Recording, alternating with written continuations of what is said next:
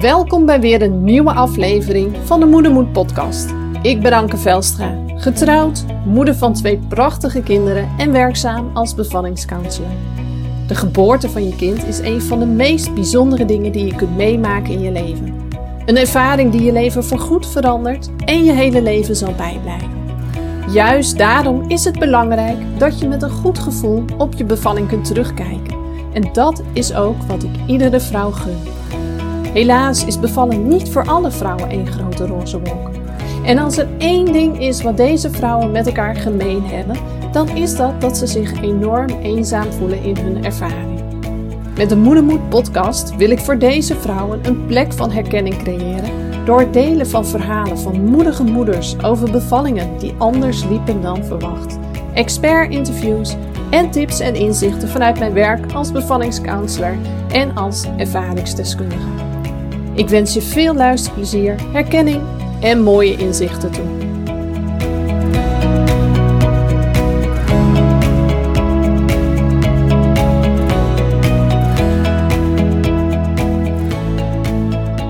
Hey, wat leuk dat je weer luistert naar de nieuwe aflevering van de Moedermoed podcast. Ehm, ik ga het vandaag met jou hebben in deze podcast over geboorteaffirmaties. Die zijn best wel hip op dit moment. Uh, je hoeft maar op Pinterest uh, in te typen geboorteaffirmaties en uh, je wordt doodgegooid met, met allerlei affirmaties. En ja, ook in veel zwangerschapscursussen komen ze voorbij. En daarnaast zie ik ze op Instagram ook regelmatig voorbij komen.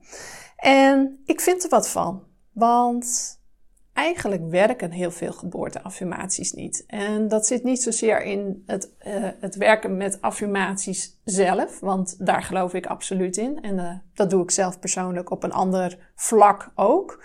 Alleen het zit vooral in de manier waarop er mee gewerkt wordt. Nou, daar ga ik het met je over hebben in deze podcast.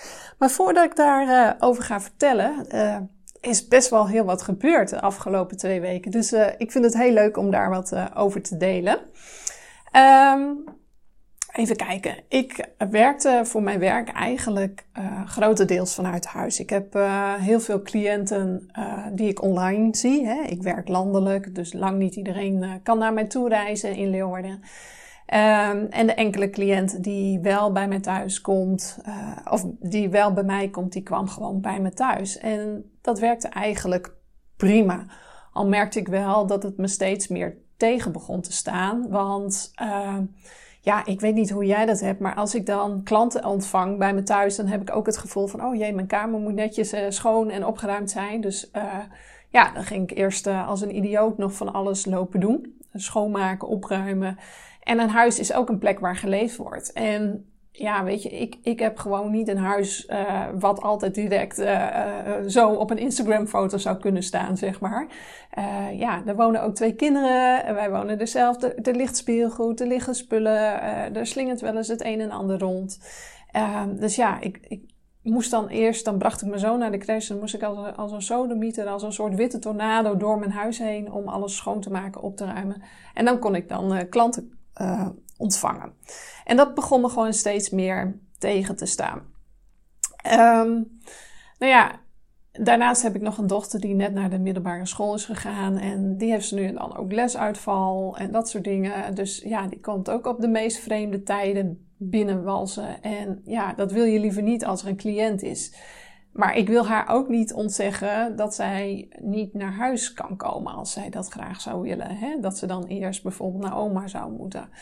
Dus ja, ik, ik merkte al wat langer dat, dat dat een beetje begon te schuren. En vorig jaar mei, denk ik, zijn wij uh, bezig gegaan met onze eerste stappen erin. Um, hoe wij wonen, we hebben aan de achterkant van ons huis hebben wij een schuur.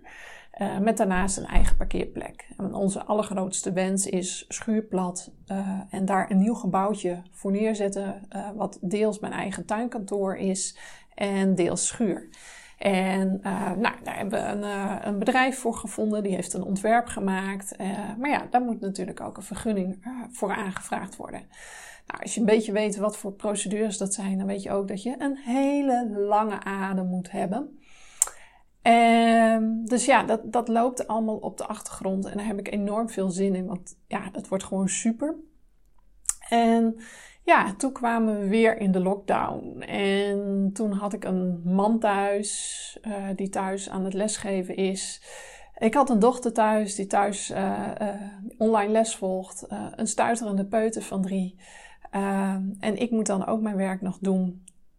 Ik, ik merkte gewoon dat het te onrustig werd. Ehm, misschien weet je dat niet, maar ik heb het al eens eerder gedeeld. Maar ik heb aan de, de bevalling van mijn jongste heb ik niet aangeboren hersenletsel overgehouden. En daar ben ik voor naar Amerika geweest en heb ik enorm veel herstel doorgemaakt.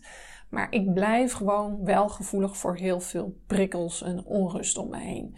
Dus hen constant om me heen en dan nog meer rommel en rondslingerende dingen. Uh, te veel afleiding, prikkels maak, maakte gewoon dat ik merkte van ja ik, ik kom niet meer goed aan werken toe. Het, het lukt niet meer op deze manier. En ik, ik, maak, ik, ik, ja, ik zat toch wel echt even in een soort, soort dip. Dat ik dacht van, moet ik dit nog op, op deze manier zoveel weken uitzingen? Dat, dat gaat me niet lukken. Um, dus ik ben met mijn man gaan praten. Ik zei, er moet gewoon nu tijdelijk een oplossing komen in afwachting van het tuinkantoor. Want uh, dit, dit gaat niet goed komen zo. Ik, merkte dat ik heel overprikkeld raakte en uh, ja, dat ik daardoor minder van mijn, mijn, man en kinderen kon hebben. En dat kan gewoon niet de bedoeling zijn.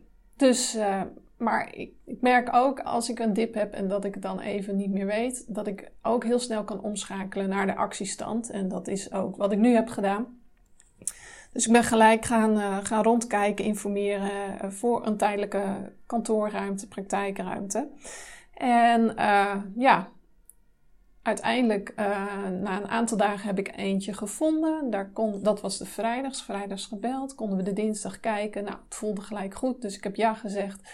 En toen vroeg ze aan mij: wanneer wil je erin? Nou, ik zei zo snel mogelijk. Dus dat was vorige week dinsdag. En ja, vorige week vrijdag. Uh, dus daar zat maar een paar dagen tussen. Toen heb ik de sleutel gekregen. Ondertussen was ik naar de kantoormeubelen, groothandel ik weet niet of dat een bestaand woord is, maar dat interesseert me even niet geweest. Die zijn gelukkig wel gewoon geopend en heb ik daar uh, meubelen kunnen uitzoeken, uh, stoelen, uh, een, een, bureau. Ik mag nu een speciale zit-staakruk testen om te kijken of ik daar fijn ergonomisch op kan zitten. Nou ja, afgelopen weekend hebben we de, de, de spullen verhuisd. En afgelopen maandag was het mijn eerste werkdag hier. Dus maandag 18 januari, als je dit, dit later luistert, was dus mijn eerste werkdag hier. En het was zo fijn, want thuis voelt nu ook gewoon weer als thuis en werk weer als werk. Dus ik kan het gewoon veel beter splitsen en scheiden. Al heb ik gisteren, het is vandaag woensdag, uh, de 20ste al heb ik gisteren, de dinsdag nog wel wat dingen thuis gedaan. Maar dan is dat een keuze en niet een verplichting.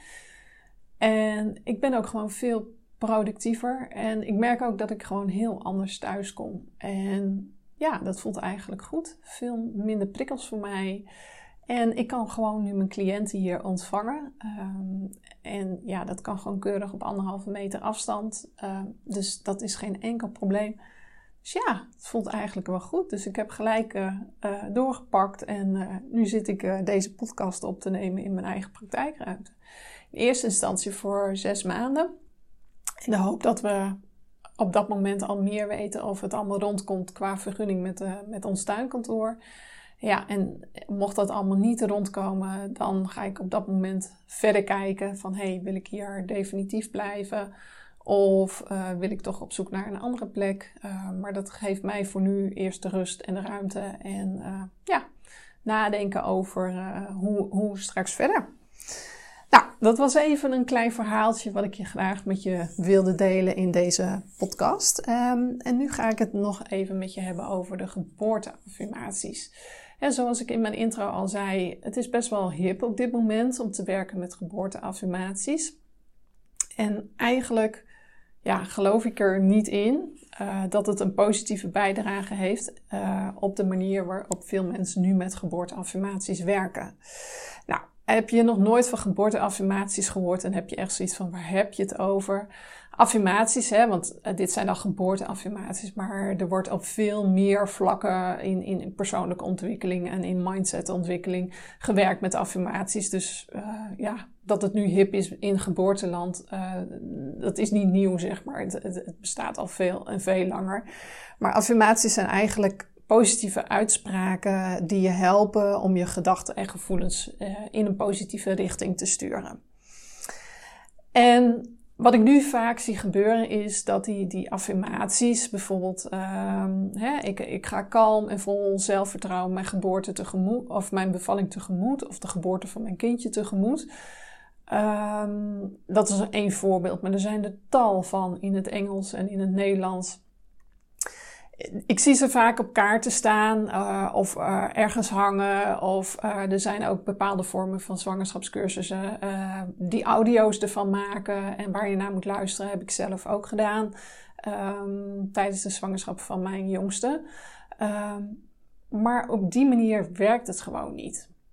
Nee, daar ben ik gewoon heel duidelijk in. Het werkt niet op die manier. En ik zal je ook uitleggen waarom.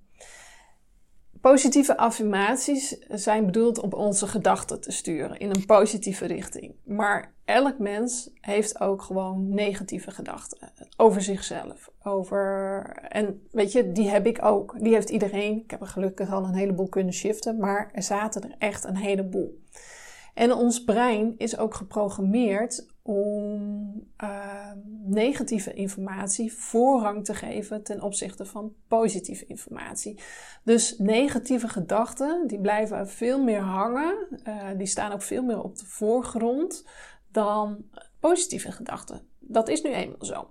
Want heel vroeger, toen wij net op deze aarde waren in de oertijd, toen ja, moesten wij eigenlijk constant alert zijn op gevaar om ons heen. Hè? Wilde dieren, uh, ja, tegenstanders, noem maar op. Dus wij moesten voortdurend voorrang geven aan negatieve informatie ten opzichte van positieve informatie. Want anders zou het mogelijk ons leven kunnen kosten. Nou, dat wil je ook niet. Um, en zo werkt het eigenlijk nog steeds. Ook al zijn we niet meer dagelijks in levensgevaar, wij zijn nog steeds op dit moment meer gefocust op negatief dan op positief. En je kunt je voorstellen als jij tegen jezelf zegt van hé, hey, ik ben volledig kalm en ga vol zelfvertrouwen de geboorte van mijn kindje tegemoet. Als jij dat niet helemaal voor 100% over jezelf kunt geloven op het moment, op dit moment waar jij nu staat, zal die affirmatie nooit voor jou werken. Want er is dan altijd zo'n stemmetje wat gelijk oppopt en zegt: Ja, hoor eens eventjes. Uh, dat heb je leuk bedacht, die, die geboorteaffirmatie. Uh, maar ik geloof het niet. Weet je, hoe kan ik nu, als ik zoveel spanning heb, hoe kan ik dan nu zometeen in één keer dan vol vertrouwen zijn? Ik geloof dat niet over mezelf. En als je zo'n uitspraak dus niet gelooft over jezelf voor 100%, zal die ook niks doen. Weet je, het werkt niet met heel veel negatieve gedachten en daar dan één of een paar positieve gedachten tegenover zetten. Die worden gewoon overspoeld door de negatieve gedachten. Dus ja, op die manier ermee werken gaat gewoon niet heel veel nut hebben. Betekent het dan dat ik uh, affirmaties waardeloos vind en uh, dat je er helemaal niet mee zou moeten werken? Nee, ik denk zeker wel dat ze kunnen werken, alleen je moet ze op een andere manier gaan toepassen. Wat belangrijk is als je met geboorteaffirmaties wil gaan werken ehm, en je wilt ze gebruiken om jezelf eigenlijk te bekrachtigen, want dat is de bedoeling, is het belangrijk dat je gaat kijken naar de geboorteaffirmaties. Als je bijvoorbeeld kaartjes ervan hebt of uh, je laat je inspireren online op Instagram of op Pinterest bijvoorbeeld. Uh, dat je gaat kijken welke affirmaties met jou reson resoneren. Welke affirmaties voel je van, ja, dit kan ik over mezelf geloven. Kies dan die affirmaties uit, want die gaan voor jou werken. Als je nou geen of maar heel weinig affirmaties kunt vinden die met jou resoneren, bestaande affirmaties, maak dan zelf jouw affirmaties. Schrijf ze zelf in jouw eigen woorden, want als je dat doet, kun je ze ook alweer sneller geloven over jezelf. En wat belangrijk is, affirmaties schrijf je sowieso altijd positief en uh, in, in, in de tegenwoordige tijd. Actieve schrijfvorm.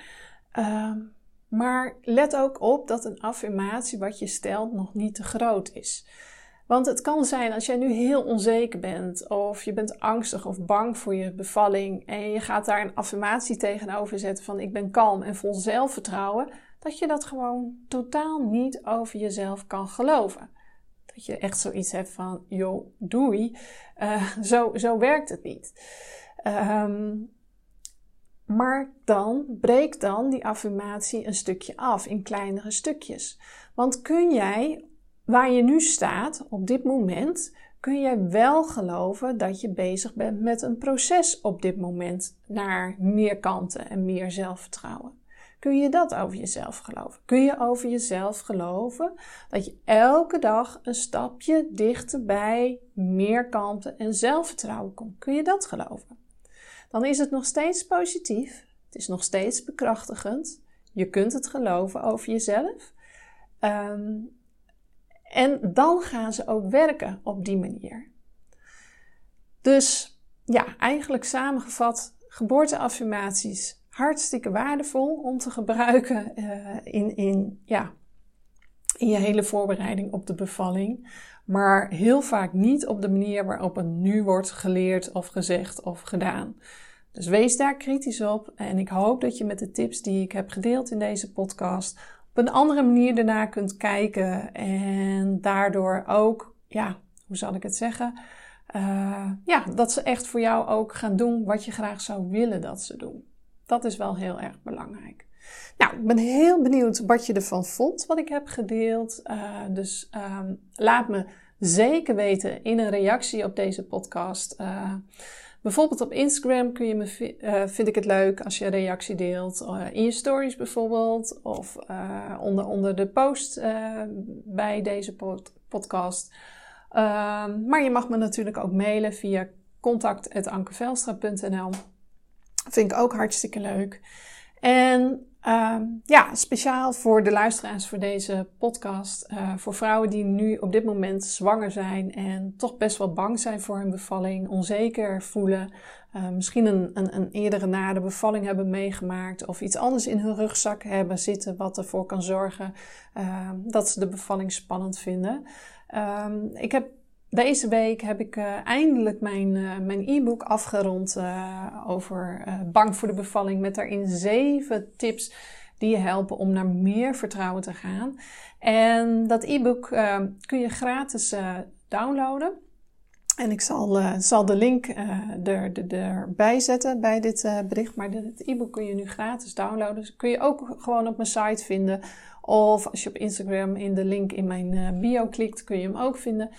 Um, dus als je heel graag zou willen downloaden, als je heel graag die, uh, die zeven tips zou willen ontvangen gratis, uh, ga dan even naar mijn website of ga even uh, naar de link eh, op mijn Instagram en vraag hem aan. Dan komt hij zo snel mogelijk in je inbox.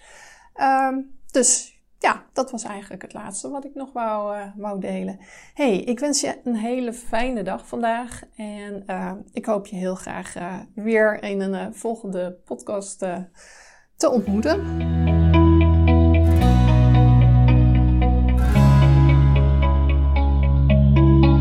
Heel erg bedankt voor het luisteren naar deze aflevering van de Moedermoed podcast. Vond je deze aflevering interessant en waardevol? Maak van deze podcast dan geen goed bewaard geheim. Bijvoorbeeld door een screenshot te delen via social media of stories en mij daarin te taggen, of door een review achter te laten op Apple Podcasts.